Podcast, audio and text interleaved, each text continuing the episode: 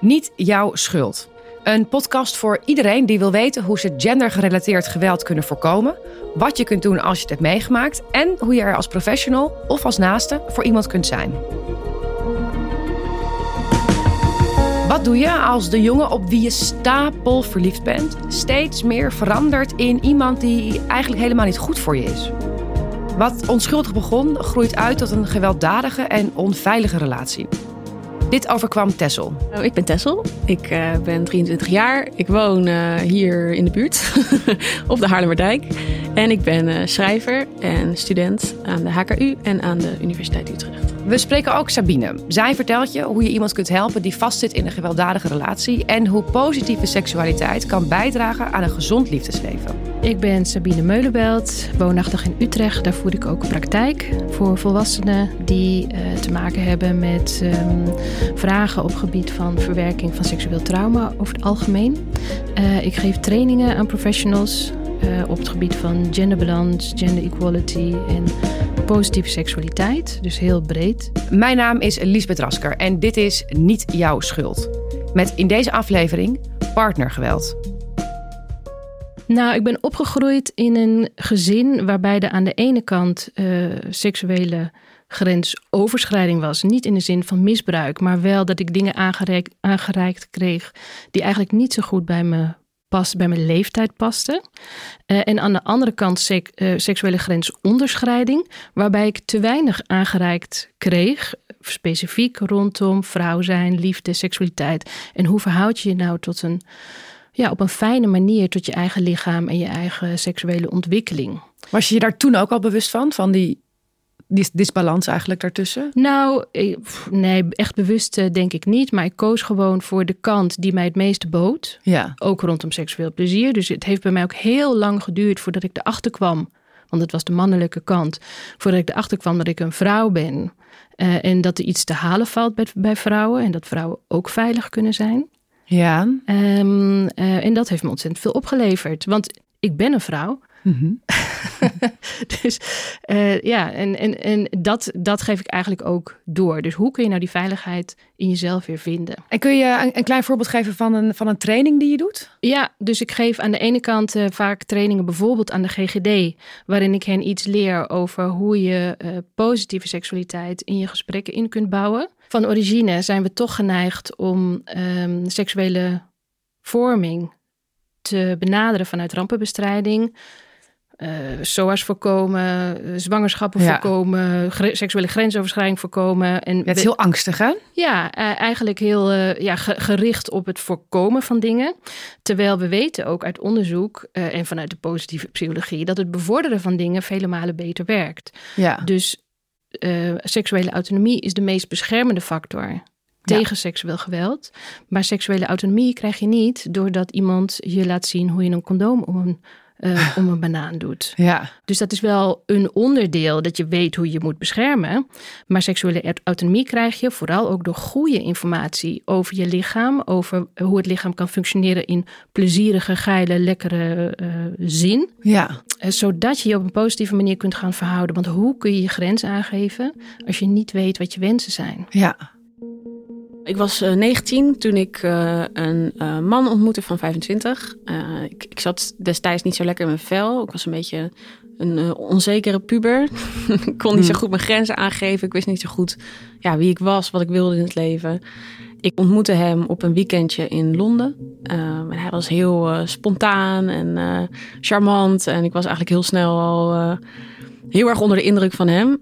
Hij uh, was dus Brits. Hij vertelde dat hij uh, een baan aangeboden had gekregen in Amsterdam en dat hij het wel zag zitten om uh, naar Amsterdam te verhuizen. En of hij dan eerst een weekje in mijn studio mocht logeren, omdat het natuurlijk lastig is om een kamer te vinden hier. Uh, en daar stemde ik toen mee in. Ja. Ja, en daar is het allemaal mee begonnen eigenlijk. Ik was natuurlijk 19, hij 25. ik had nog maar één keer een relatie gehad en toen was ik 15. Dus ja, dat, dat, dat is heel, een heel andere mm. levensfase natuurlijk. Dus ik denk dat ik bij heel veel dingen een beetje naar hem keek om het tempo te bepalen, om, om te bepalen wat normaal is in een relatie. Ik, ik keek gewoon heel erg naar hem op of zo.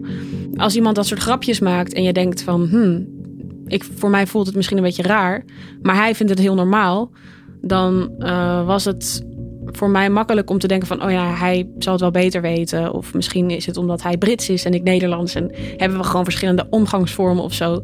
Uh, dus je maakt eigenlijk de hele tijd excuses um, voor zijn gedrag. En uh, op den duur was het ook gewoon zo dat je op een gegeven moment terugkijkt naar alle rode vlaggen die je hebt genegeerd. En dan je ook doodschaamt. Dat je denkt van wauw, uh, wat ben ik een slappeling en waarom kom ik niet voor mezelf op? En op het moment dat je je gaat schamen en uh, daardoor stil blijft, ja, dan, dan kan het geweld eigenlijk escaleren zonder dat je mensen in vertrouwen durft te nemen. Tessel beschrijft eigenlijk dat ze aan het begin stond van haar seksuele carrière. Mm, ja. Maar ook van haar relationele carrière. Daarnaast was er een leeftijdsverschil. En op die leeftijd is dat echt een aanzienlijk leeftijdsverschil. Ja. Zij was 19, hij was 25. Um, wat Tessel heel terecht benoemt in dit fragment, is dat ze zegt: Ja, ik was nog een soort van puber. Dus we, plaatsen puberteit eh, vaak in, uh, in een kader van nou, uh, eh, 12 tot en met 15, 16 jaar. Um, maar je hersenen zijn eigenlijk pas volgroeid, volgroeid rondom je 24ste. Ja. Daar zijn de meningen een beetje over verdeeld of dat 23 of 28 is. Maar dus veel later dan dat wij eigenlijk tot nu toe hebben aangenomen. Dus dat maakt, omdat je nog geen ja, referentiekader hebt van wat jij normaal vindt, hmm. maakt het automatisch dat je daarin in een soort van afhankelijkheidspositie verkeert. Um, en dat je zegt, uh, en, en, dat je dus kennelijk denkt van, oh, nou kennelijk is dit normaal. En dan voordat je het weet, ja, dan moet je dan eerst even toe verhouden. Hè? Als we een situatie tegenkomen, wat die situatie ook is, ook als die niet goed voelt, dat moet je eerst eventjes verwerken. Dus het is heel normaal dat Tessel aan het begin niet gelijk heeft gezien van, hé, hey, dit was een rode vlag. Ja. Dat is het verhaal van de, van de kikker en het water. Ken je? Nee, leg eens uit. Dat um, uh, parabel of analoog. Dus als je een kikker um, in een pan met kokend water stopt, ja. dan springt hij eruit. Ja. Want die denkt, hier moet ik niet zijn. Mm -hmm. Dikke rode vlag. Ja. Tien tegelijk. Maar als je een kikker in koud water doet en je zet het vuurtje aan.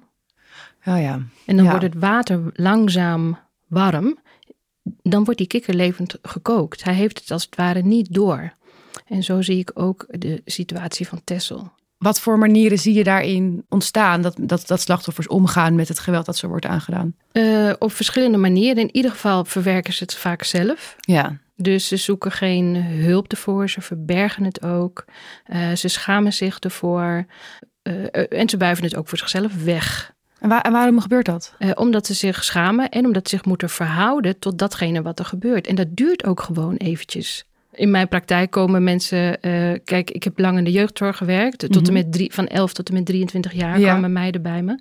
Uh, dan zit je soms nog voor dat het gebeurt. Mhm. Mm -hmm. Dat is natuurlijk het beste. Als dat water nog een, zo'n beetje warm begint te worden. Uh, ja, misschien. of als er nog geen water is. Oké, okay. oh ja, oké. Okay. Want ja. eigenlijk begint het vaak al, uh, en ik ken in die zin Tessels, uh, Tessels achtergrond niet, maar vaak begint het al wanneer je thuis in een situatie zit, bijvoorbeeld met uh, ouders die het ook een beetje lastig hebben met elkaar, of dat er misschien uh, grote live events zijn, zoals een overlijden, uh, waarbij ja, rouw onvoldoende genomen is, of dat een ouder bijvoorbeeld een verslavingsprobleem heeft, um, of dat je misschien verstandelijk beperkt bent. Al die dingen Mm -hmm. kunnen maken dat je kwetsbaarder bent. Maar ook al is dat allemaal niet in de hand, uh, aan de hand in je leven, dan nog kan het zo zijn dat je gewoon op de verkeerde plek bent, op de verkeerde plaats met de verkeerde persoon.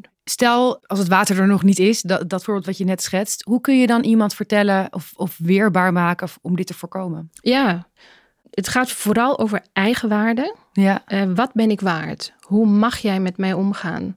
Ben ik het waard om uh, voorzichtig en gefaseerd uh, met, met jou samen te ontdekken? Ja. De, en waarschijnlijk kies ik dan ook iemand uit die niet heel veel ouder is dan ik. Want dat hoeft niet. Want ik hoef me aan niemand op te trekken. Want ik trek me aan, aan mezelf op. Dus ja. waarschijnlijk ga ik dan ook andere relaties aan die gelijker zijn, gelijkwaardiger zijn ja, voorviel in onze relatie, waren we allebei heel dronken. Ik kon me ook niet meer helemaal helder herinneren, maar de volgende ochtend heb ik er toen iets over gezegd. Van hé, hey, uh, ik heb een blauwe plek op mijn schouder. En ik kan me vaag herinneren dat je me gisteren hebt gestompt in mijn schouder. En dan schrikt hij zich kapot. En we hadden daar een gesprek over van, oh, dat kan echt niet. En wat, wat is er gebeurd? Wat, wat bizar. En hij zegt: Sorry, sorry, het spijt me zo erg. Ik heb dit nog nooit gedaan. Ik ga het nooit meer doen. En dan denk je: Oké, ja, dat snap ik. Natuurlijk al helemaal als het iemand is waar je een beetje verliefd op bent en zo. En dan gebeurt het nog een keer. En dan denk je: Wauw, ik heb al zoveel rode vlaggen. Dat geknijp, die beledigingen, heb ik gewoon laten varen. En hij heeft me zelfs al een keer geslagen en dat heb ik laten varen. Ja, dan schaam je je dood. Dan denk je van: Oké, blijkbaar pik ik dit. Of blijkbaar. Uh, laat ik dit toe? En, en eh, hoe kan ik dit nou mensen gaan vertellen? Mijn vriendinnen hebben een heel ander beeld van mij. Die denken dat ik een soort van vrijgevochten, uh, onafhankelijke vrouw ben. En nu moet ik ze ineens gaan vertellen dat, dat hij me nu voor de tweede keer geslagen heeft. En daarbij komt ook nog eens dat je, nou ja, liever je vasthoudt aan het komt goed. Of hij gaat nu echt veranderen. Of uh, hij houdt echt van me, het was gewoon een foutje. Dat is makkelijker om te slikken dan de realiteit van oké, ik ben dus nu in een gewelddadige relatie terechtgekomen. Ik was toen ook al best wel veel bezig inderdaad met feminisme. Wel dan, nu, nu ben ik heel veel bezig natuurlijk met uh, intiem geweld en die uh, thema's. En toen iets minder. Meer met, denk ik, schoonheidsidealen, antiracisme en um, seksuele vrijheid bijvoorbeeld. Maar op de een of andere manier voelde mijn ervaring met hem alsof het er heel ver van af stond. Want ik zag het niet dus in zo'n systemisch... Uh, context. Ik zag het niet als partnergeweld. Ik zag het niet als een oudere man die misbruik maakte van een jonger meisje.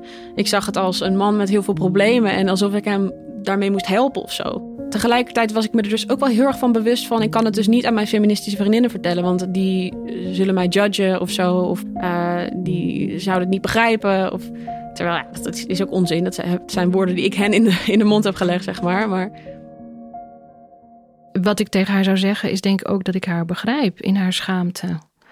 Want je staat ergens voor en het overkomt je. Ja. Uh, dus iedereen kan zich op de een of andere manier indenken dat, dat je je dan schaamt. Dus dat is heel menselijk. En het is dus ook heel menselijk uh, dat je in zo'n situatie terecht bent gekomen en dat je niet zo goed weet hoe je daaruit moet komen. En wat er in door me heen zou gaan is, wat, heeft zich, wat zal zich eenzaam gevoeld hebben? Hoe zou je die schaamte kunnen doorbreken bij zo iemand? Hoe zou je dat weg kunnen nemen? Nou, in ieder geval door niet de victim blamen. Ja. En achter haar te gaan staan. En wat ik veel doe met uh, mensen is de cyclus van geweld. Ja. Dus heel even in het kort, er zijn overigens meerdere versies, maar de versie die ik gebruik, je moet je voorstellen een soort drie-eenheid, waarbij je bovenin druk opbouwen hebt. Ik zeg altijd, het is de snelkookpan, daar maakte mijn moeder vroeger erwtensoep in. Uh, dus daarin kun je iets heel snel en onder druk uh, kun je dan langzaam gaan bereiden, uh, maar veel sneller dan dat je zou doen als je het in de gewone pan zou stoppen. Dus je bouwt druk op. Dan uh, kom je in de fase van explosie. Mm -hmm. Die snelkookpan van mijn ouders die was ook kapot namelijk. Dus hij zat de hele keuken weer onder de erwtensoep. en dan kom je in de fase van witte broodsweken. Waarbij je denkt van nou ja, uh, het valt wel mee. Dus het is echt de fase van hoop. En mijn ouders hebben dus ook meerdere keren die snelkookpan weer opnieuw gebruikt. Dus uh, eerst heb je druk opbouwen. Dat zijn, ja. die, dat zijn die rode vlaggen waar Tessel het ook wel over heeft. Ja. Dat je denkt, oeh, en dat je al een beetje op je tenen gaat lopen. En het ook voor jezelf weer weg gaat wimpelen. Nou ja, het, het valt wel mee. Als ik nou maar beter mijn best doe, als ik maar iets doe, ja. dan uh, komt het wel goed. Dan de explosie, waarin hij dus wel gewelddadig wordt.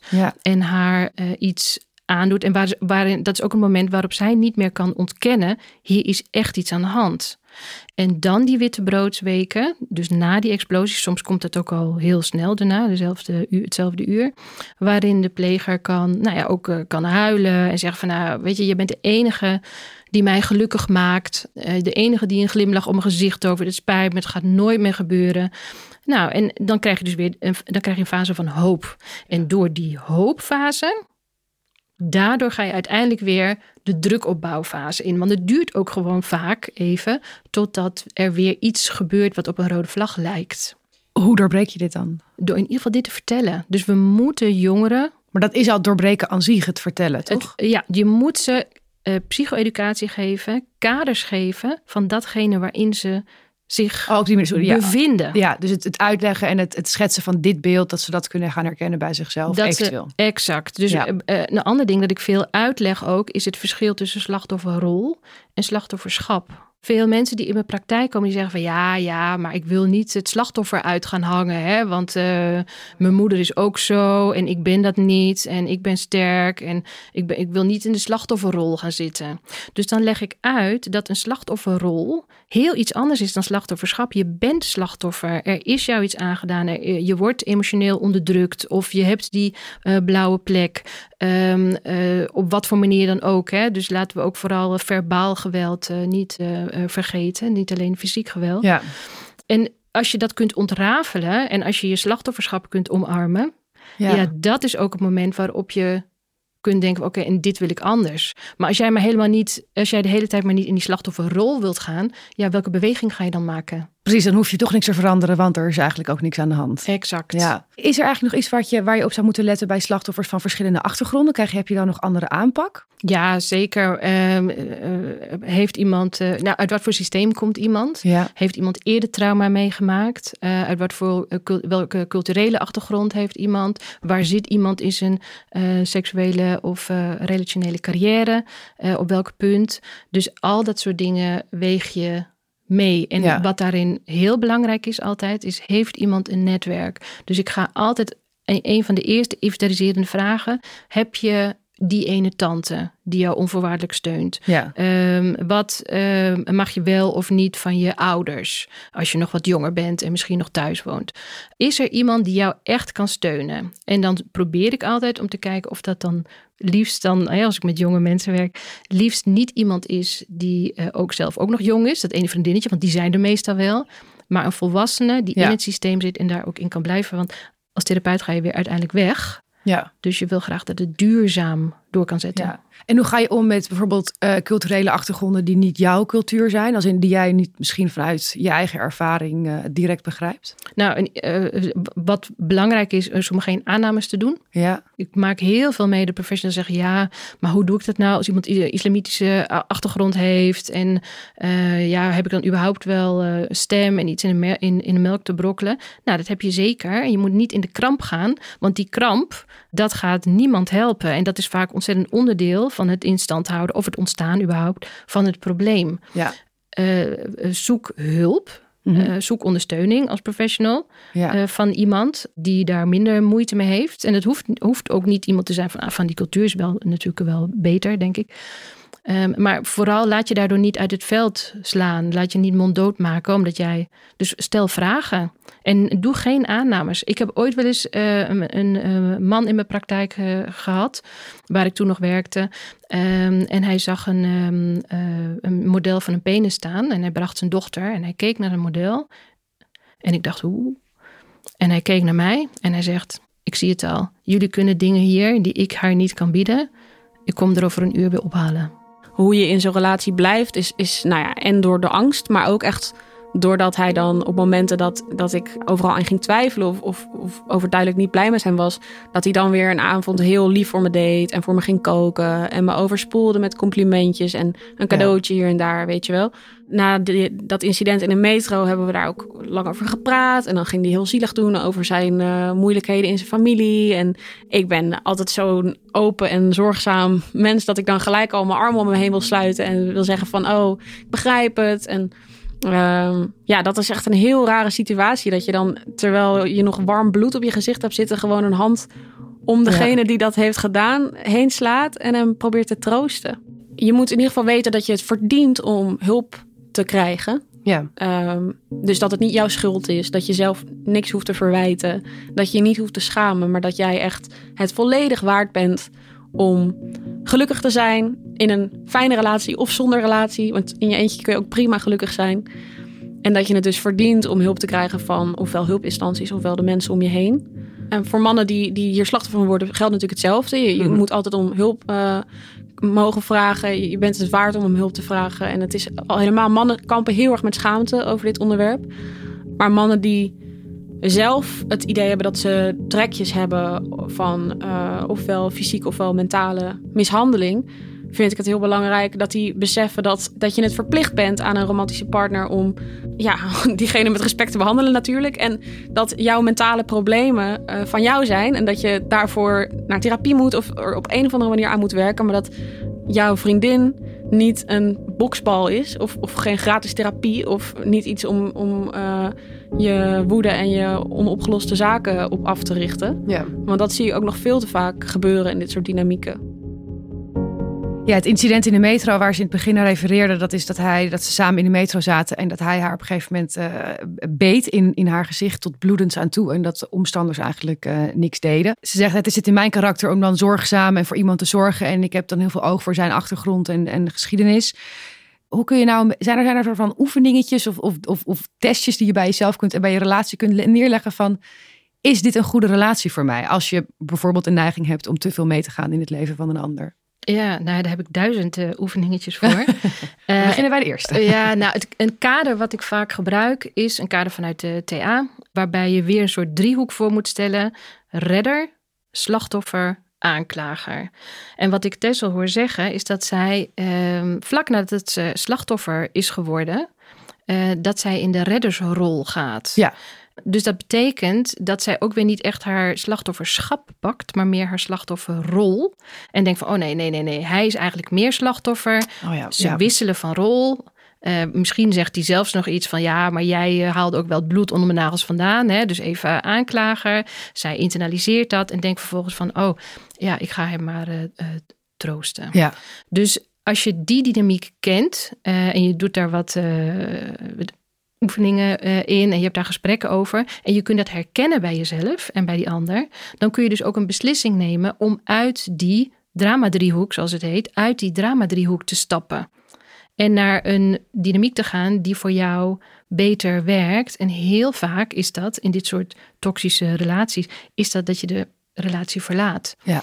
Tenzij uh, hij zelf ook iets wil doen aan dat gedrag. Het is niet zo dat alle plegers en daders uh, denken van, nou ja, uh, uh, ik heb, het is wel goed zo en ik hoef niks te veranderen. Nee, veel van hen willen ook graag veranderen. Maar als je zit te luisteren naar deze podcast en je zit in zo'n relatie, als hij dat niet wil, hij staat daar niet open voor, ja, stap eruit, want je gaat het niet in je eentje oplossen.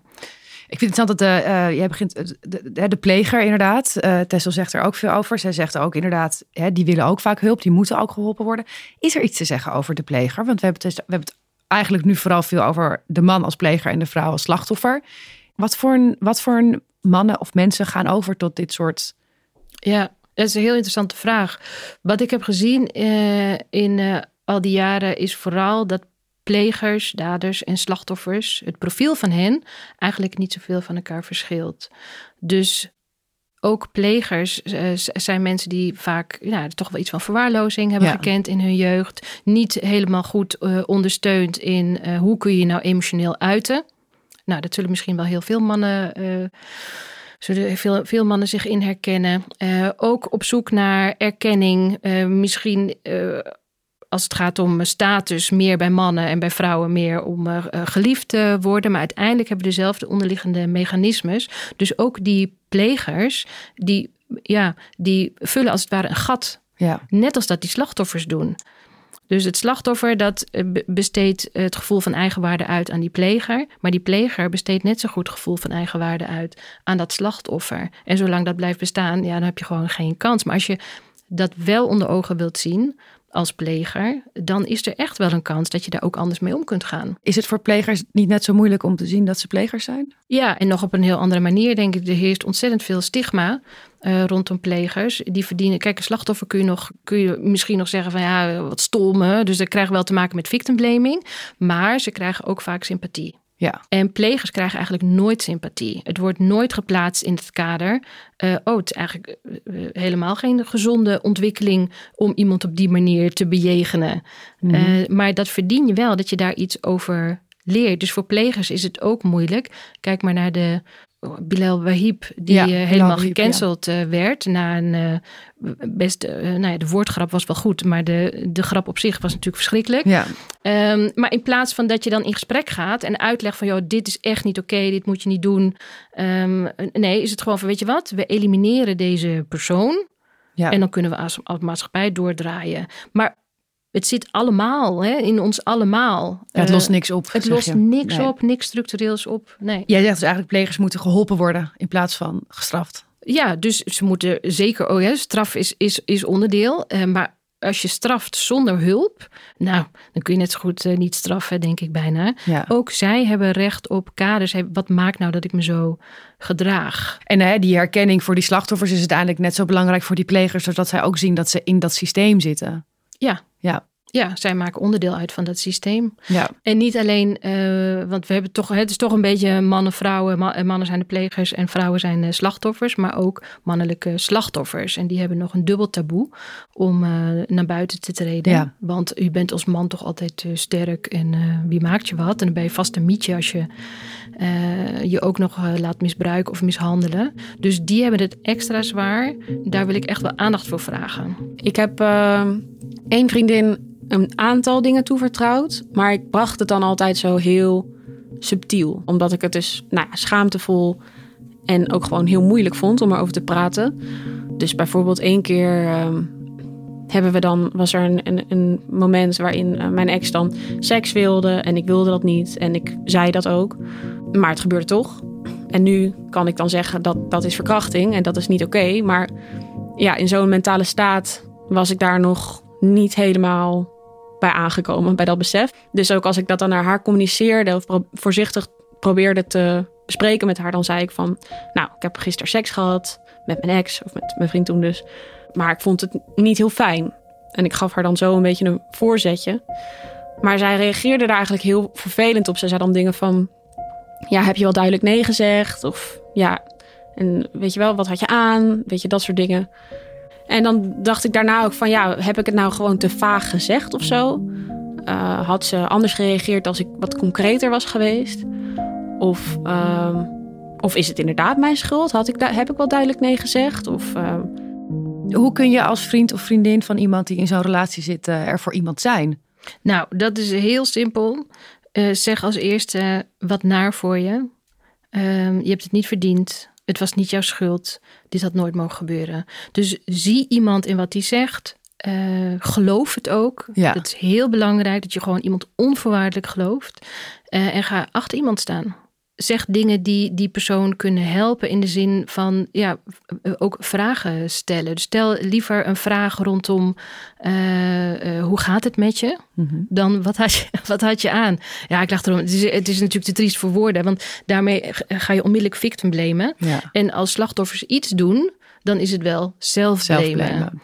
Ik kan me ook voorstellen dat het geen zin heeft om meteen te beginnen over wat een klootzak is het. Ja, weg ermee, wat een eikel. Dat dat ook niet per se de oplossing is, omdat een slachtoffer zelf helemaal niet daar nog is. Die denkt ook, die houdt ook nog van deze persoon en ziet ook nog de goede dingen. Hoe kun je dan als, als hulpverlener, maar ook als, als vriend of vriendin eh, daar een goede balans in vinden? Ja, je kunt eigenlijk zo zien dat degene die slachtoffer is, die ontleent, even man-vrouw, die ontleent haar identiteit voor een deel eh, aan de relatie die ze heeft met die pleger. Ja. Dus op het moment dat je zegt hij zit fout, dan is er automatisch ook iets mis met haar. Ja. Dus je kunt veel beter zeggen: oké, of wat ik veel heb gedaan in mijn eh, praktijk in ieder geval, is een lijstje maken van wat vind je nou eigenlijk leuk aan diegene? Wat is leuk aan diegene?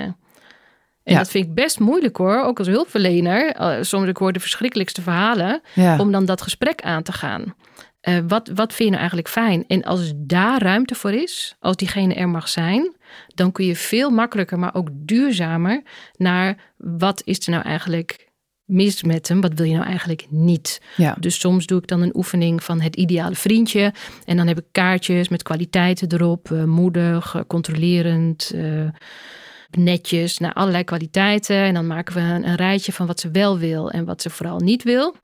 En dan kijken we daarna, oké, als dit nu je ideale vent is. In hoeverre voldoet Gerard dan aan dat beeld? Ja.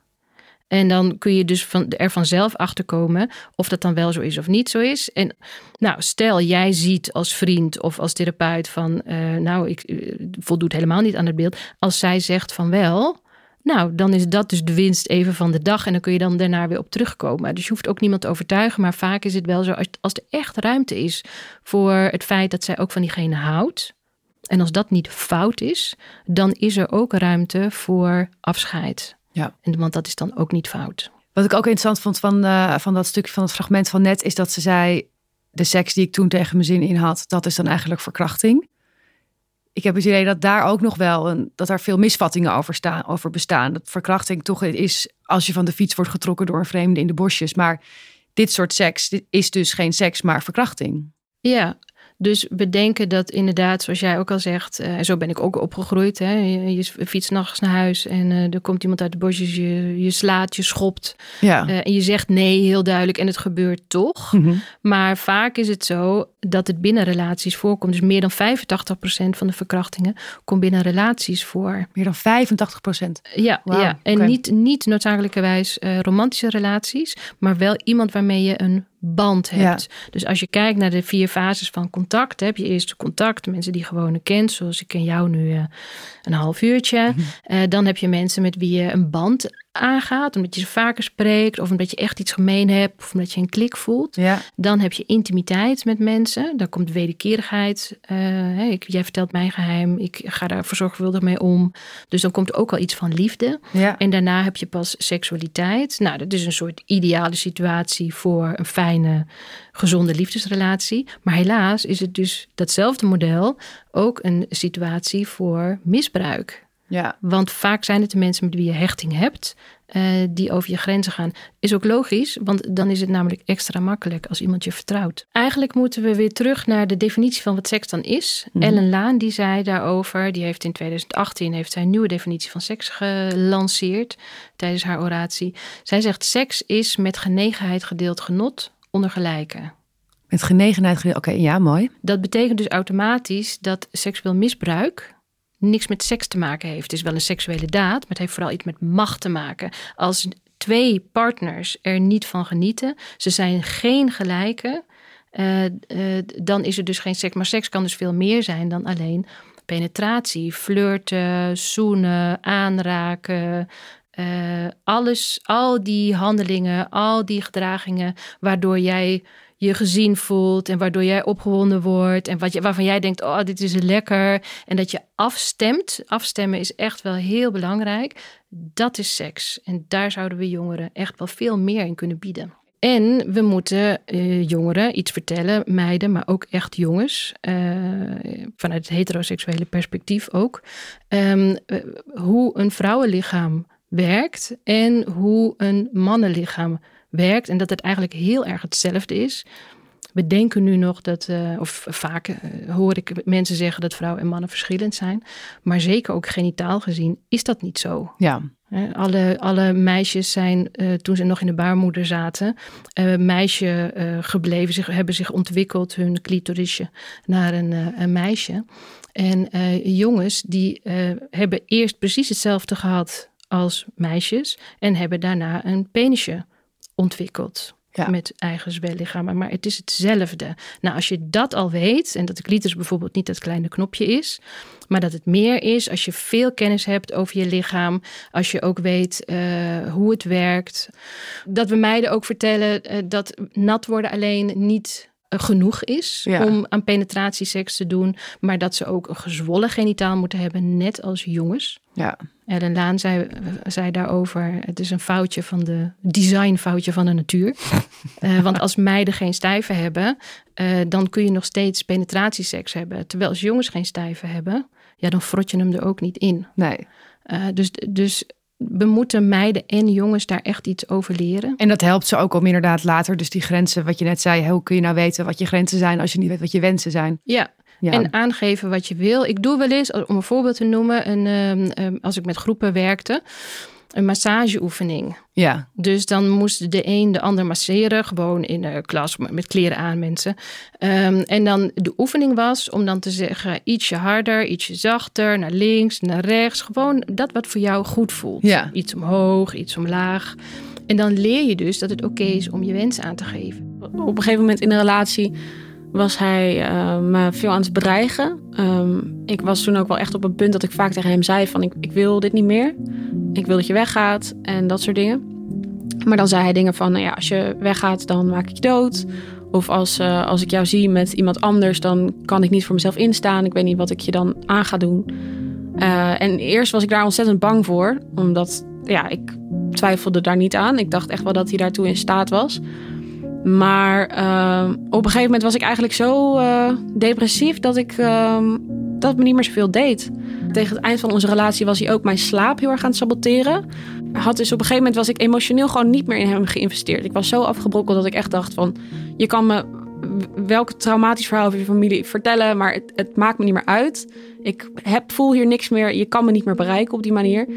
En hij werd daar heel gefrustreerd van. Dus elke keer als hij dan weer ruzie probeerde te zoeken met mij en ik was gewoon zo van, joe, ik ga slapen.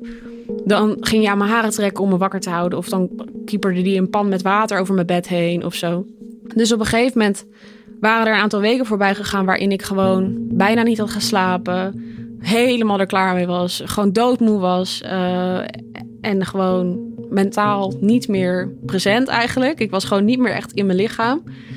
En toen hadden we op een gegeven moment probeerde hij weer ruzie te zoeken. En waar ik dan eerst altijd heel erg bang was en me maar een beetje gedijst hield, was ik nu aan terugschreeuwen. Want ik, ik had gewoon geen energie meer in mijn lichaam. Ik dacht echt, ja, ik, ik kan dit niet meer, ik kan niet meer incasseren. Het is gewoon echt helemaal op.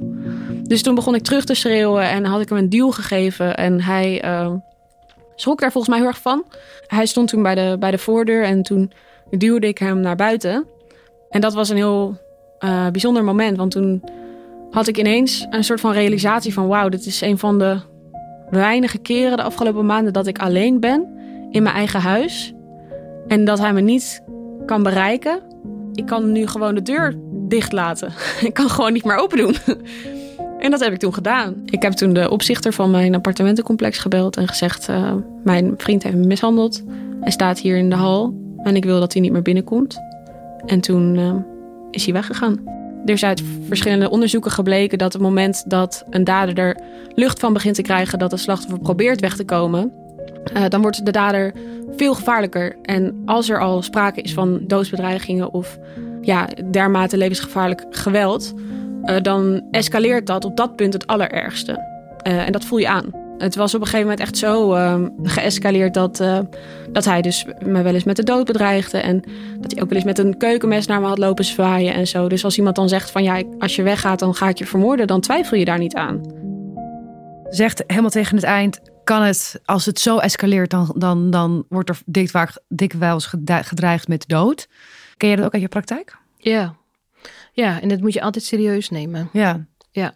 Als slachtoffer zijnde bedoel je? Als, als slachtoffer zijnde, maar ook als hulpverlener zijnde. Uh, dus dat je 15 jaar samenleeft en dat iemand nog niet uh, dood is gemaakt, ja. wil niet zeggen dat het volgende week uh, niet anders kan zijn. Dus je moet het altijd met de hoogste prioriteit oppakken. Wat doe je als, als, als een uh, cliënt dat tegen je zegt? Nou, dan, dan kijk, als de politie tot dan toe nog niet is ingeschakeld, dan is het echt tijd dat dat uh, gebeurt. En daar moet je ook een cliënt van uh, doordringen ja. dat, dat, dat dat zo is. En als je er zelf mee te maken hebt als, als therapeut, zoek ook hulp voor jou. Want het is heel moeilijk om dit soort dingen in je eentje te dragen. Dus je hebt echt ook wel een stevig team nodig die dat met jou draagt. Ja. En je kunt ook samenwerking zoeken met de politie daarin. Mhm. Uh, je hebt allerlei mogelijkheden. Het is niet alleen aangifte of geen aangifte. Dus onderzoek dat ook met, met hen. Ja. Maar een doodsbedreiging moet je altijd serieus nemen. Niet alleen een doodsbedreiging trouwens, maar ook eh, ik, ik, ga je, ik ga je kind wat aandoen of uh, ik uh, gooi je hond in de gracht. Ja. net zo goed. Dit was uiteindelijk het, het einde van, van deze relatie. Dit is op deze manier uh, is, het, is er een einde aan het geweld en de, en de relatie gekomen. Zie je vaak gebeuren dat relaties uitgaan, dat slachtoffers weggaan en dat ze later toch weer teruggaan? Helaas wel. Dat is ook het moment waarop omgeving vaak afhaakt. Die zeggen, nou nu was je weg, je had het voor elkaar, je weet hoe die in elkaar zit en nu ga je toch weer terug. Ja, nu is het wel echt je eigen schuld. Nu is het wel echt je eigen schuld. Het is ook onmacht van mensen, want mensen houden van je ja. en hebben je lief. En als je, uh, als je dan toch weer in zo'n situatie komt, ja, wat kun je dan nog betekenen? Dus het is ook bijna een afweermechanisme hè, om dan te zeggen van, nou ja, het was, uh, nu is het wel echt uh, jouw schuld. Ja. Maar groei is nooit een rechte lijn. Ik ben eigenlijk zelden tegengekomen dat een cliënt wegging bij haar toxische partner en daarna niet op de een of andere manier nog contact had of toch weer helemaal terugging. Uh, en dat ook gewoon een aantal keren. Dus groei gaat nooit zo in een rechte lijn. Het gaat altijd een beetje zo. Ik vond dat echt een heel bijzonder moment dat ik opeens zoveel plezier en geluk putten uit bedenken wat ik wilde eten op een dag. Of kleding dragen die ik zelf wilde dragen. En niet omdat hij me dat mooi vond staan of zo. En langzaam maar zeker kreeg ik ook weer een beetje mijn eigen stijl terug. En uh, vond ik mezelf eigenlijk ook heel leuk zonder bevestiging van hem te moeten krijgen. Maar dat ging heel geleidelijk. En ik heb in 2018 zijn we dan uit elkaar gegaan. En ik heb in 2020 eigenlijk pas therapie gehad. En in de tussentijd heb ik het heel erg weggestopt en uh, ondergedrukt. Is dat vaak zo dat uh, cliënten zo laat pas, of laat, nou ik weet echt niet, maar in ieder geval pas een paar jaar daarna misschien aan de bel trekken bij jou? Ja, zeker. Ja. Pas als het tot ze doordringt van hoe, uh, waar ze eigenlijk in hebben gezeten. Ja. Besef je dat het je ook heeft beschadigd en gevormd als mens. En dan is het weer kijken, hé, hey, wat is die beschadiging? Uh, en wie ben ik zonder die beschadiging? En, en, en kunnen we weer zoveel mogelijk naar heelheid gaan? Zo mooi als Tessel beschrijft dat ze weer haar eigen kleding is gaan dragen. Ja. Dus dat je letterlijk je eigen huls, je eigen omhulsel weer gaat ownen. Ja, wat ze eerder zei, dat ze helemaal was afgebrokkeld en dat ze zich eigenlijk weer een beetje opbouwt. Ja, ja. ja. Wat er snel op wordt gereageerd is, waarom blijf je daarin, in zo'n uh, relatie? Zonder om, op de, om dat op een victim blaming-achtige manier te zeggen. Maar waarom blijven mensen in dit soort relaties? Wat, wat ligt er aan ten grondslag? Afhankelijkheid. Eigenlijk kunnen we het niet over misbruik hebben, uh, toxische relaties hebben, zonder dat we het niet ook echt hebben over die afhankelijkheid. Dus aan de ene kant heb je iemand die tegen jou zegt: Je bent lief, je bent de mooiste, de enige die een glimlach op mijn gezicht tovert. Ja. En aan de andere kant heb je iemand die zegt van, letterlijk of figuurlijk, je bent niks waard, ik ga je beschadigen, uh, je bent lelijk, je bent een hoer. En die twee dingen naast elkaar, dat maakt dat je in een afhankelijkheidsrelatie zit. Dat is dus, je wil, je wil dat positieve heb je nodig. En doordat je ook gelooft dat je dus inderdaad niks waard bent, denk je ook dat diegene die die positieve dingen zegt de enige is die dat kan geven? Of, ja. En die cyclus is waar we eerder. Ja, waar we het eerder over hebben gehad, die cyclus van geweld. Um, en, en dan blijf je. Maar ook dus dat, die, dat verantwoordelijkheidsgevoel.